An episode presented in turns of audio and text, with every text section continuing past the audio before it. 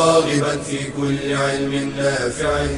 ينمو العلم ويتقدم بتقنياته ومجالاته ومعه نطور أدواتنا في تقديم العلم الشرعي. أكاديمية زاد. زاد أكاديمية ينبوعها. صاف صاف ليروي غلة الظمآن. هذا كتاب الله روح قلوبنا. خير الدروس تعلم القرآن. بشرى لنا زاد أكاديمية للعلم كالأزهار في البستان. بسم الله الرحمن الرحيم. الحمد لله رب العالمين والصلاة والسلام على نبينا محمد وعلى آله وصحبه أجمعين. أيها الإخوة والأخوات السلام عليكم ورحمة الله وبركاته. أما بعد فهذه الحلقة هي الدرس الثالث من سلسلة محاضرات مادة التفسير في أكاديمية زاد.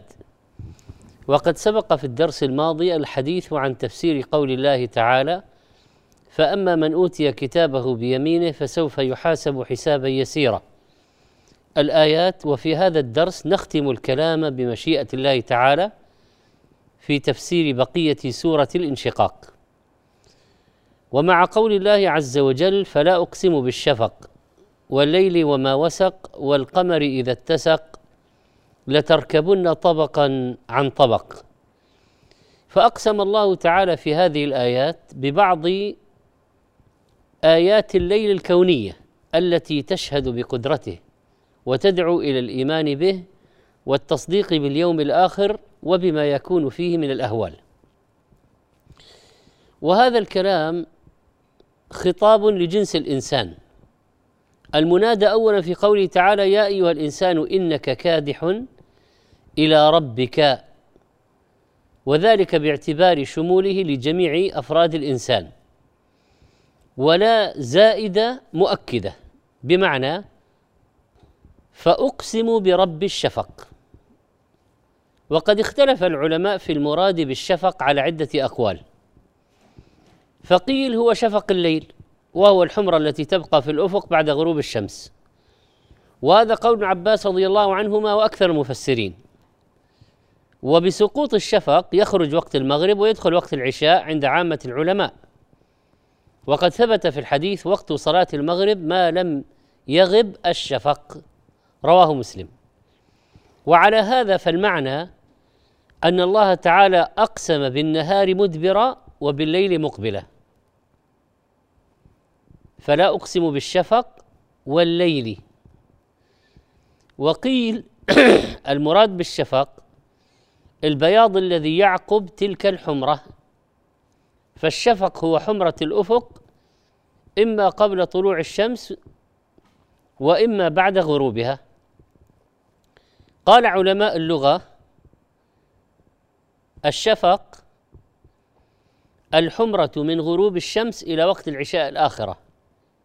فإذا ذهب يعني خلاص صار صار الظلام دامسا معتما. قيل غاب الشفق. خلاص دخل وقت العشاء خرج وقت المغرب. وقيل المقصود بالشفق بقية ضوء الشمس. وقيل ما بقي من النهار. فإذا بعضهم يلاحظ الشفق الذي عند الغروب وبعضهم يلاحظ الشفق الذي يكون في آه، الصباح.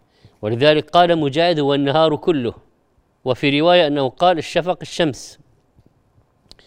وإنما حمله على هذا قرنه بقوله تعالى والليل وما وسق. يعني جمع. فكأنه فاهم رحمه الله الشفق الشفق النهار والليل أقسم الله بهما متقابلين.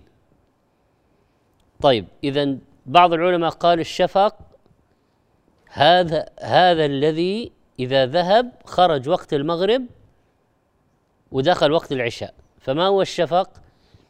الحمرة. الباقية بعد غروب الشمس. طيب هذا واحد من المعاني. وقيل أيضا الشفق اسم للحمره والبياض فهو من الأضداد. وهذا ذكره الطبري والسمعاني والبغوي وابن كثير وغيرهم. وقول الله تعالى والليل وما وسق أي جمع وضمه.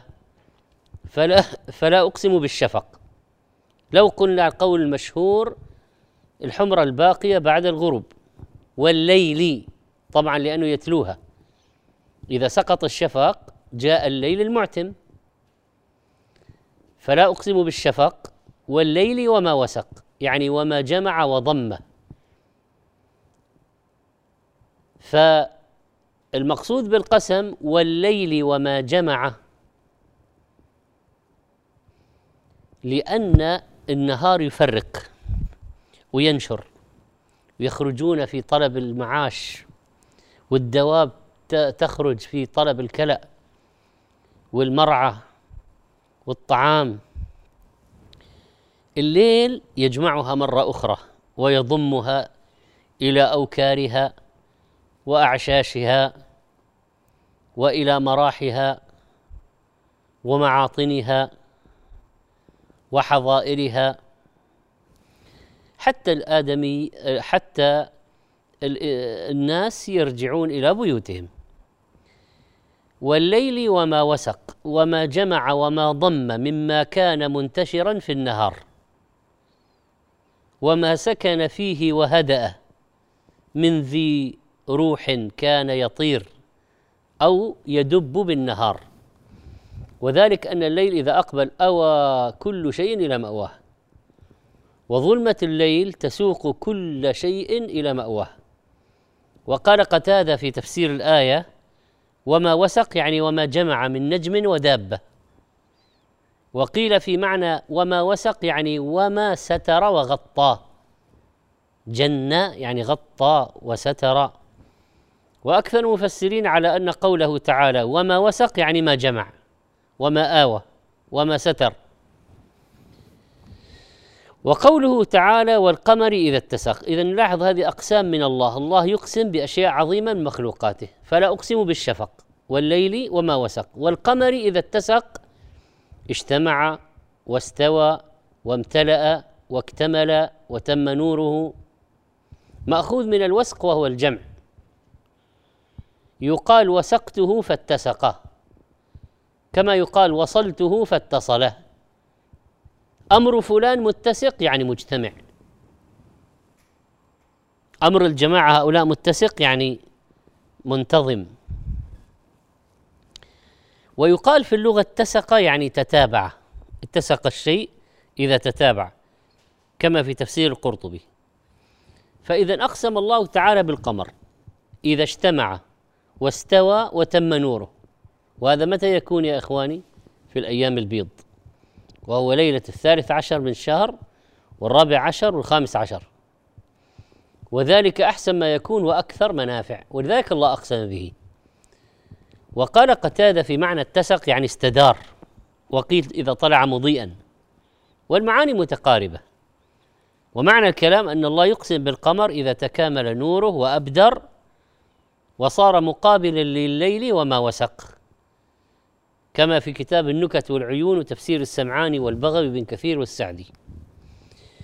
وقوله تعالى لتركبن طبقا عن طبق. هذا جواب القسم. إذا فلا أقسم بالشفق والليل وما وسق. والقمر إذا اتسق طيب أقسم على إيش؟ على حقيقة. أقسم بمخلوقاته هذه على أمر فما هو هذا الأمر؟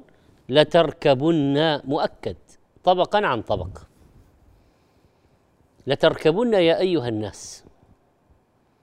ما معنى لتركبن؟ يعني ستلاقون طيب طبقا عن طبق ما المراد بالطبق؟ الحال المطابقه لغيرها. لتلاقن أيها الناس حالا بعد حال كل حال مطابقه لغيرها في الشدة والهول. لتركبن طبقا عن طبق حالا ومرتبة. لتركبن أحوالا بعد أحوال. وأهوالا بعد أهوال طبقات في الشدة. إذا كان المقصود بالأحوال ماذا؟ الموت وما بعده. لتركبن طبقا عن طبق خلاص تأتيكم المنية الموت وما بعده البرزخ والقبر وما بعده النشر من الموت والقيام من القبور وما بعده الحشر وما بعده الحساب والجزاء وتطاير الأوراق والميزان وسيأتيكم الحوض والصراط والمرور على إلى آخره إلى دخول جنة ونار إذا لتركبن طبقا عن طبق حالا بعد حال من الموت فما بعده. طيب هذا معنى أو قول. وفسر بعض المفسرين الأحوال التي يلاقيها الناس يعني لتركبن يا أيها البشر يا أيها الناس لتركبن طبقا عن طبق طبقا بعد طبق في الدنيا. يعني نطفة علقة مضغة عظام ولحم نفخ الروح يكبر يولد يرتضع يتغذى وهكذا. آه، ومن رضيع إلى غلام إلى بالغ إلى شاب إلى وهكذا. يكون بعد ذلك كهلا وبعد ذلك شيخا ويكبر في السن ويهرم. آه، اذا لتركبن يعني لتلاقن وتكونن في أطوار متعددة وتكونون في أطوار متعددة وأحوال متباينة. كما قلنا من النطفة إلى العلقه إلى المضغة إلى نفخ الروح وليدا طفلا مميزا يجري عليه قلم التكليف إلى أن يموت. ثم يبعث ويجازى بأعماله. يعني الله يقسم أننا سنتقلب في الأحوال حالا بعد حال. ما في ثبات الأمور ستتغير بنا وننتقل ننتقل من حال إلى حال حتى نصير إلى دار القرار. حتى نصير دار القرار. خذ من النطفة إلى الجنة والنار. كم حال؟ رضيع فطيم غلام شاب شيخ. هذا كلام عكرمة حال بعد حال. مقاتل قال الموت ثم الحياة ثم الموت ثم الحياة. لأن النطفة يكون موت ما في روح. إذا نفخت الروح في بطن أمه دبت فيه الحياة.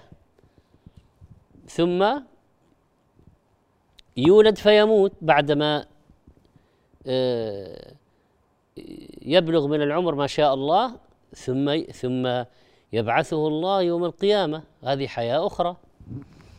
قال الحسن حالا بعد حال مقصود بها رخاء بعد شدة وشدة بعد رخاء غنى بعد فقر وفخر بعد غنى صحه بعد سقم وبعد سقم وسقم وسقما بعد صحة. هذا اذا قول آخر في معنى لتركبن طبقا عن طبق. تتغير بكم الأحوال. وروي عن ابن عباس رضي الله عنهما أنه قال يعني الشدائد وأهوال الموت ثم البعث ثم العرض. قال أبو عبيدة لتركبن سنن من كان قبلكم وأحوالهم. هذه إذن آه، يعني بعض الأقوال التي وردت في قوله تعالى في جواب القسم لتركبن طبقا عن طبق حالا بعد حال. وتتغير بكم الأحوال ولا يدوم لكم حال. نسأل الله سبحانه وتعالى أن يسلمنا ويجنبنا الفتن ما ظهر منها وبطن. نعوذ بالله من فتنة المحيا ومن فتنة الممات. وقفة قصيرة ثم نعود إليكم في تكملة تفسير هذه السورة العظيمة. بشرى لنا أكاديمية للعلم كالأزهار في البستان. من نعم الله تعالى على عباده نعمة إنزال المطر. فقد وصفه الله عز وجل بأنه ماء طهور فقال وأنزلنا من السماء ماء طهورا كما وصفه بأنه ماء مبارك في قوله تعالى ونزلنا من السماء ماء مباركا فأنبتنا به جنات وحب الحصيد وقد كان لرسول الله صلى الله عليه وسلم عند نزول المطر سنن قولية وسنن فعلية فمن سننه القولية قوله عليه الصلاة والسلام اللهم صيبا نافعا وقوله مطرنا بفضل الله ورحمته ويدعو الإنسان بما شاء.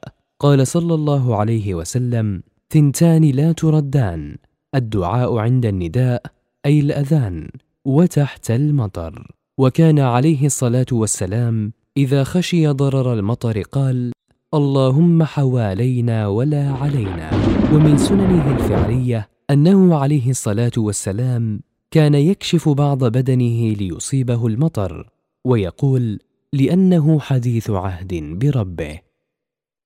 بشرى لنا زاد أكاديمية للعلم كالأزهار في البستان.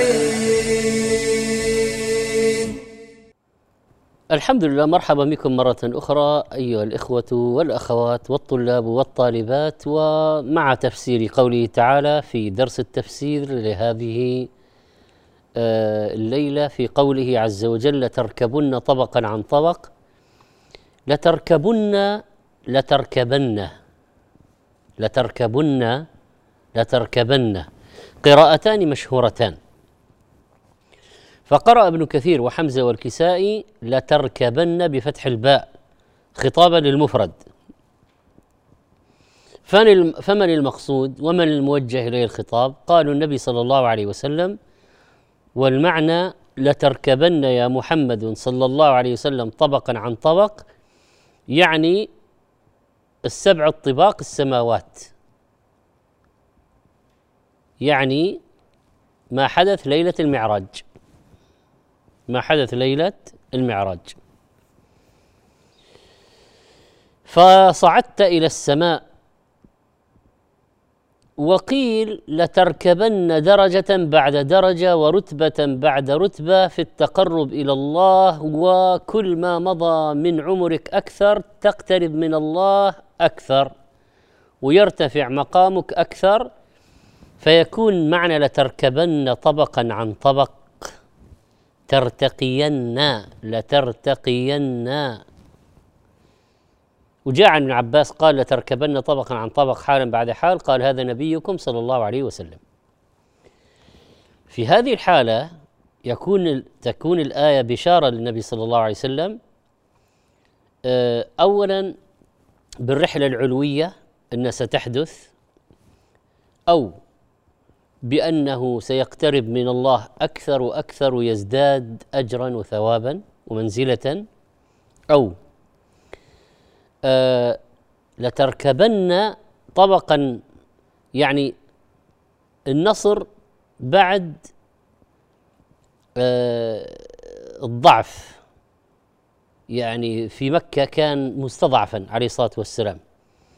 فجاءت آية جاءت هذه الآية بالمواساة. لتركبن يا محمد صلى الله عليه وسلم طبقا بعد طبق آه، ولن يستق يعني لن يبقى حالك هكذا كما أنت مستضعف في مكة.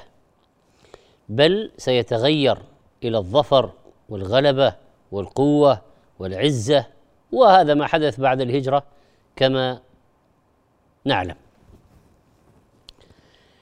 وبالتالي ستركبن طبقا عن طبق حتى يختم لك بجميل العاقبة و آه، ستفتح مكة فلا يحزنك تكذيبهم وتماديهم في كفرهم. كذلك ممكن يكون المعنى لتركبن طبقا عن طبق آه، ظفر بعد آه، هزيمة والعكس خوف وشدة وأمن ضعف وقوة. ويحتمل أن المعنى أن الله سبحانه وتعالى يبدله بالمشركين أنصارا من المسلمين. ويكون لتركبن طبقا عن طبق يعني طبقات الناس. فبدلا من هؤلاء المشركين حولك سيكون حولك أنصار ومهاجرون. وقيل إن الخطاب آه، المقصود به السماء وتغير السماء من حال إلى حال. والمعنى لتركبن السماء يوم القيامة حالة بعد حالة.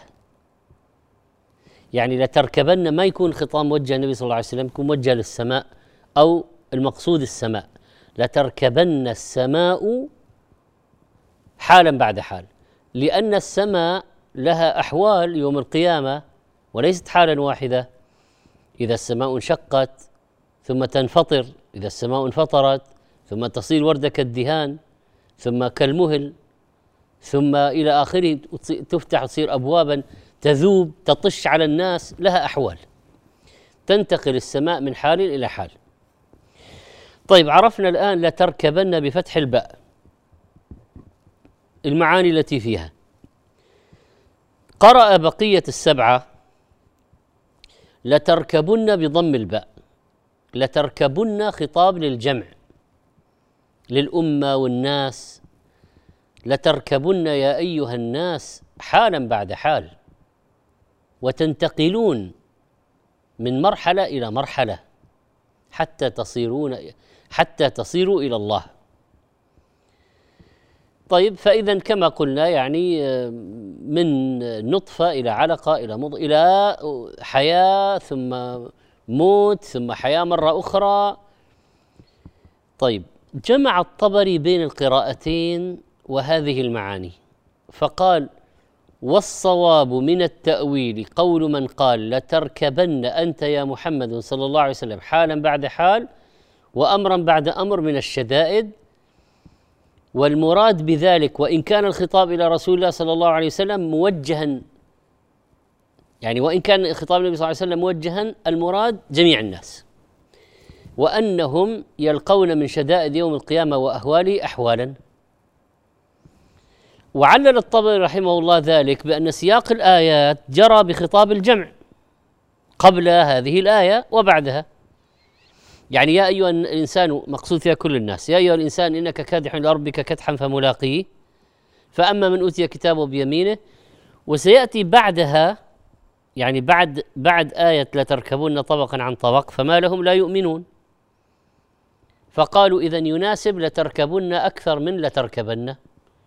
طبعا آه، الطبري ابن جرير رحمه الله حاول أن يجمع قال لتركبن يا محمد صلى الله عليه وسلم وكذلك الناس الناس من بعدك سير أيضا حالا بعد حال تتغير بهم الأحوال وتتقلب بهم تتقلب بهم الدنيا وتتغير بهم الأحوال. فإن قال قائل ما هي مناسبة جواب القسم للقسم. يعني الآن المقسم في عندنا مقسم به مقسم عليه. المقسم به الشفق والليل وما وسق. طيب. لا الشفق والليل وما وسق. لتركبن طبقا عن طبق. فما هي المناسبة؟ أن الشفق والليل والقمر أحوال. ظلمة ونور. فمناسبة لقوله لتركبن طبقا عن طبق يعني هذه مناسبة المقسم به للمقسم عليه جواب القسم. فكما أن الشفق والليل والقمر إذا اتسق الشفق والليل والقمر فيها يعني إعتام كامل في الليل وفي إنارة كبيرة في القمر إذا اتسق وفي شفق نور بينهما يعني بين الإعتام الكامل وبين نور البدر. فهذه أحوال. كذلك أنتم يا أيها الناس ستركبون احوالا وتنتقلون من طور إلى طور ومن شيء إلى شيء. تتغير بكم الدنيا وحتى انتقالكم إلى الآخرة وما بعد الآخ... ما بعد قيام الساعة كذلك في أحوال. ولعل ذكر الشفق إيماء وإشارة إلى أنه يشبه حالة انتهاء الدنيا لأن حالة غروب الشمس مثل حالة الموت. وذكر الليل إيماء إلى أهوال الحساب. وذكر القمر إيماء إلى حصول الرحمة للمؤمنين. كما فهم بعضهم. طيب ما هي العبرة الآن من كل الكلام هذا؟ فما لهم لا يؤمنون وإذا قرئ عليهم القرآن لا يسجدون. يعني بعد كل هذه التذكرة والآيات. يعني فما فلا أقسم بالشفق. والليل وما وسق. والقمر إذا اتسق. لتركبن طبقا عن طبق. طيب الموعظة. الدرس. فما لهم لا يؤمنون. ألا يرون الآيات التي يقسم الله بها؟ ألا يرون جواب القسم كيف هم فعلا يسيرون من حال إلى حال وتتغير بهم الأمور؟ فما لهم لا يؤمنون. وإذا قرئ عليهم القرآن لا يسجدون. ما في أي تفاعل مع القرآن ما في أي انفعال مع القرآن ما في أي تأثر بالقرآن. اذا فما لهم هذا استفهام استنكاري. كفار مكة كفار العرب مشركو العرب فما لهم لا يؤمنون بمحمد صلى الله عليه وسلم والقرآن؟ ويمكن أن يكون الاستفهام تعجبيا. بمعنى اعجبوا منهم اعجبوا من هؤلاء. كل هذه الآيات وكل هذه المواعظ ولا يؤمنون. بالرغم من البيان ووضوح البرهان. كما ذكر في البغوي وزاد المسير والقرطبي والتفسير البسيط ووجه التعجب هنا أنهم أرباب الفصاحة والبلاغة. فعندهم يعني يسمعون القسم. فلا أقسم بالشفق والليل وما وسق والقمر إذا اتسق. ويسمعون جوابه لتركبن طبقا عن طبق. فيذكرهم بأحوالهم يعني يذكر لهم الآيات ويذكر بالأحوال ثم يقول ما لكم لا تؤمنون؟ ما يكفي هذا لكم آية؟ ألا ترون آياته في السماء وفي أنفسكم؟ السماء هذه التي أقسم بها وفي أنفسكم لتركبن طبقا عن طبق.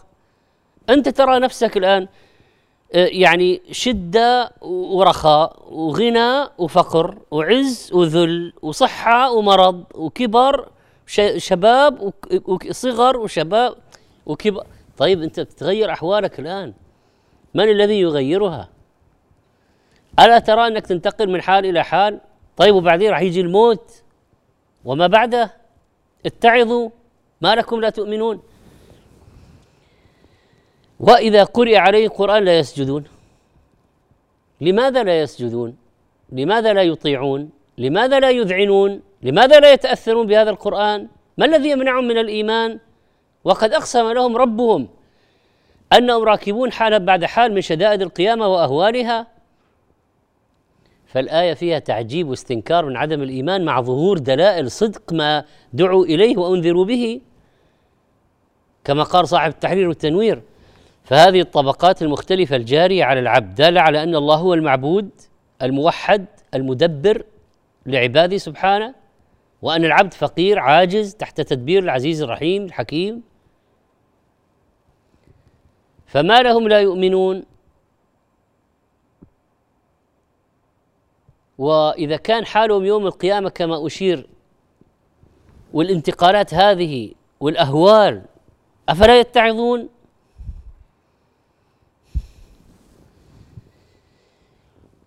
ولو كان يعني ولو أخذنا قراءة لتركبن يا محمد صلى الله عليه وسلم طبقا عن طبق. أفلا تنظرون إلى حاله؟ وكيف ينتقل من حال إلى حال؟ فلماذا لا تؤمنون به؟ انظروا إليه لقد كان في مكة مستضعفا. كان واحد فآمن به قلة ثم زادوا ثم انتشر امره خارج مكة ثم هاجر ثم قاتلكم وانتصر عليكم. فما لكم لا تؤمنون؟ ما ما تشوفوا أمره كيف إلى انتشار؟ والقرآن هذه اللي نزل عليه إذا قرئ عليكم لماذا لا تسجدون؟ أه، هل المقصود بالسجود سجود التلاوة؟ يعني مثلا أفمن هذا الحديث تعجبون وتضحكون ولا تبكون وأنتم سامدون فاسجدوا لله واعبدوا ولا المقصود فما لهم لا يعني لا يؤمنون وإذا قرئ عليهم القرآن لا يسجدون يعني سجود الصلاة؟ أو المقصود بالسجود الخضوع والإستكانة لله كما اختار الطبري؟ ما لهم إذا قرأت عليهم آيات الرحمن لا يخضعون ولا ينقادون لاوامره ونواهيه. طبعا احتج بها بعض العلماء بهذه الآية على وجوب على وجوب سجود التلاوة لكن الراجح انها سنة مستحبة ليست بواجبة. ويدل على هذا أنه أضاف السجود إلى جميع القرآن. يعني وإذا قرئ عليهم القرآن لا يسجدون. فلو كان مقصود سجود التلاوة فإن سجود التلاوة يختص بمواضع منه وليس بكل القرآن. نسأل الله سبحانه وتعالى أن يفتح علينا وأن يجعلنا من العاملين بكتابه. نعود إليكم إن شاء الله في القسم الأخير من هذا الدرس بعد قليل. بشرى أكاديمية. للعلم كالأزهار في البستان. كلمات قصيرة تحمل بين طياتها تنبيها وتحذيرا خطيرا وتوجه حواسنا ومداركنا إلى دورنا الحقيقي الذي سنحاسب عليه. كلكم راع وكلكم مسؤول عن رعيته. فمن أهم أدوارنا الجديرة باهتمامنا في هذه الحياة التركيز على مسؤوليتنا تجاه رعيتنا. فالآباء والأمهات لهم الأثر الأعظم بعد الله في مستقبل الأبناء والأجيال. لذلك خصهم النبي صلى الله عليه وسلم بالذكر فقال والرجل راع في أهله وهو مسؤول عن رعيته والمرأة راعية في بيت زوجها ومسؤولة عن رعيتها. إن الأبناء زهرة الحياة وقرة أعين الآباء والأمهات وبصلاحهم ودعائهم ترفع الدرجات في الآخرة. ولكن يجب أن ندرك أن ذلك مرهون بحسن تربيتهم وصلاح نشأتهم. فهنا كان لزاما علينا البحث عن أبرع الطرقات وأفضل الأساليب في التربية والتوجيه. ليكون أبناؤنا في قابل أيامهم. مصدر بر وسعادة لنا وسواعد خير وبناء للمجتمع والإنسانية. بشرى لنا أكاديمية للعلم كالأزهار في البستان. حياكم الله أيها الإخوة والأخوات. في ختام السورة قال الله بل الذين كفروا يكذبون والله أعلم بما يوعون فبشرهم بعذاب أليم إلا الذين آمنوا وعملوا الصالحات لهم أجر غير ممنون. لما تعجب واستنكر عدم الإيمان وعدم السجود بين أن هذا من سجيتهم ومن طبعهم والله أعلم بهم. هو دعاهم واستنكر عدم إيمانهم ثم قال بل بل الذين كفروا يكذبون بالقرآن والبعث وبمحمد صلى الله عليه وسلم ويعاندون. أريهم آياتي في السماء والشفق والليل والقمر إذا اتسق وآيات في أنفسهم وأقلب بهم الأحوال ولا يؤمنون. فعلى اية حال ليس مستغربا إيمانهم وعدم انقيادهم للقرآن لأنهم مكذبون لأنهم معاندون. قوله بل يجوز أن تكون للإضراب الانتقالي يعني من التعجيب من عدم إيمانهم وانكار عليهم إلى الإخبار عنهم بأنهم مستمرون على الكفر والطعن والعناد. فيكون الكلام ارتقاء في التعجيب والإنكار إلى الإخبار في الاستمرار. ويجوز أن يكون بل إضرابا إبطاليا. شوف ما هو الفرق بين الإضراب الانتقالي والإضراب الإبطالي. قلنا الانتقالي فما لهم لا يؤمنون وإذا قل عن القرآن لا يسجدون هذا أسلوب إنكار أو أسلوب تعجيب استفهام إنكار أو استفهام تعجيب. وإضراب انتقالي انتقل من استنكار والتعجيب استفهام الاستنكار واستفهام التعجيب إلى الإخبار عن عنادهم وكفرهم وإصرارهم على ذلك. ويجوز أن يكون بل إضرابا إبطاليا يعني لا يوجد ما لأجله لا يؤمنون ولا يصدقون بالقرآن بل الواقع بضد ذلك فإن بواعث الإيمان من الدلائل متوافره ودواعي الاعتراف بصدق القرآن والخضوع لدعوته متظاهرة لكنهم يكذبون. ما فما لهم لا يؤمنون وإذا قرئ عليهم القرآن لا يسجدون. في سبب؟ في عائق؟ في مانع؟ لا ما في. هذا إضراب هذا آه، كما قلنا آه، يكون اضرابا ابطاليا. لا يوجد. بل اضراب إبطالي ما في سبب لعدم إيمانهم ما في سبب لإصرارهم على كفرهم. وهنا لطيفة لما ذكر الله أنهم إذا قرئ عليهم القرآن لا يسجدون بين أن سبب تركهم السجود هو تكذيبهم بما جاءت به الرسل. لأن كل من كان إيمانه صادقا فلا بد أن يمتثل الأمر ويجتنب النهي. أما ينتهك المحارم يترك الواجبات لا. ولذلك الإيمان عند أهل السنة والجماعة والتصديق المستلزم للقبول والإذعان مو مجرد المعرفة. لا في الإيمان إذعان انقياد. فمتى رأيت الرجل يترك الواجبات أو بعضها أو يفعل المحرمات أو بعضها فاعلم أن إيمانه ضعيف. فلو كان إيمانه قويا ما أضاع الواجبات وانتهك المحظورات. ثم قال تعالى والله أعلم بما يوعون أي بما يجمعون في صدورهم من التكذيب والإثم. وما يضمرون في قلوبهم من الشر وما يكتمون. والله أعلم بما يوعون قيل بما يجمعون من السيئات. يوعون يجمع سيئات فوق سيئات. الله يعلم سرهم وجارهم وسيجازيهم. يوعون مأخوذ من الوعاء الذي الذي يجمع ما فيه. في بناء على هذا تكون الآية فيها تهديد وإنذار. يعني الله أعلم بما يوعون بما يجمعون من الأعمال السيئة لأنه سيجازيهم عليها. ولذلك قال فبشرهم بعذاب أليم بعدها. وعد لهم عذابا أليما. الله أعلم بما يوعون فبشرهم بعذاب أليم. سيأتيهم على ما يوعون من الأعمال وما يجمعون.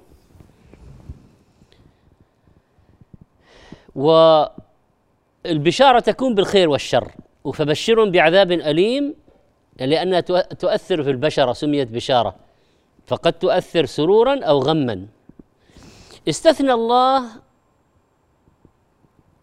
طائفة قال إلا الذين آمنوا وعملوا الصالحات لهم أجر غير ممنون. قيل هذا استثناء منقطع يعني إلا الذين آمنوا وعملوا الصالحات صدقوا اقاموا الفرائض وعملوا بما أنزل الله آه، مستثنون من ذلك. والمعنى وقيل المعنى ومن الناس فريق هداهم الله فآمنوا بالله وقبلوا ما جاءت به الرسل لهم أجر غير ممنون. فإذا قيل الاستثناء متصل وقيل ليس بمتصل بل هو منقطع. فعلى قول الاستثناء منقطع معناه لكن الذين آمنوا وعملوا الصالحات فريق هداهم الله لهم أجر غير ممنون. وقيل بل الاستثناء متصل يعني هؤلاء الكفار لهم عذاب أليم إلا الذين آمنوا منهم وتابوا فلهم أجر غير ممنون. فاستثنى من آمن من الكفار بقوله إلا الذين آمنوا. فهل الآن يعني إلا الذين آمنوا من الكفار هؤلاء ولا إلا الذين آمنوا يعني أهل الإيمان المقصود عموما؟ قولان. طيب لهم أجر غير ممنون. ما معنى ممنون؟ مقطوع. غير مقطوع غير منقوص. ولهم رزقهم فيها بكرة وعشية. مستمر. ما لا عين رأت ولا أذن سمعت ولا خطر على قلب بشر. وهذا الأجر المستمر في جنات النعيم. نسأل الله سبحانه وتعالى أن يجعلنا من أهلها وبهذا نختم تفسير هذه السورة العظيمة. نسأل الله عز وجل أن يفقهنا في كتابه وأن يجعله ربيع قلوبنا. أستودعكم الله والسلام عليكم ورحمة الله وبركاته. يا راغبا في كل علم نافع متطلعا لزيادة الإيمان وتريد سهلا النوال ميسرا. يأتيك ميسورا بأي مكان. زاد زاد أكاديمية ينبوعها. صاف صاف ليروي غلة الظمآن. هذا كتاب الله روح قلوبنا. خير الدروس تعلم القرآن. بشرى لنا زاد أكاديمية للعلم كالأزهار في البستان.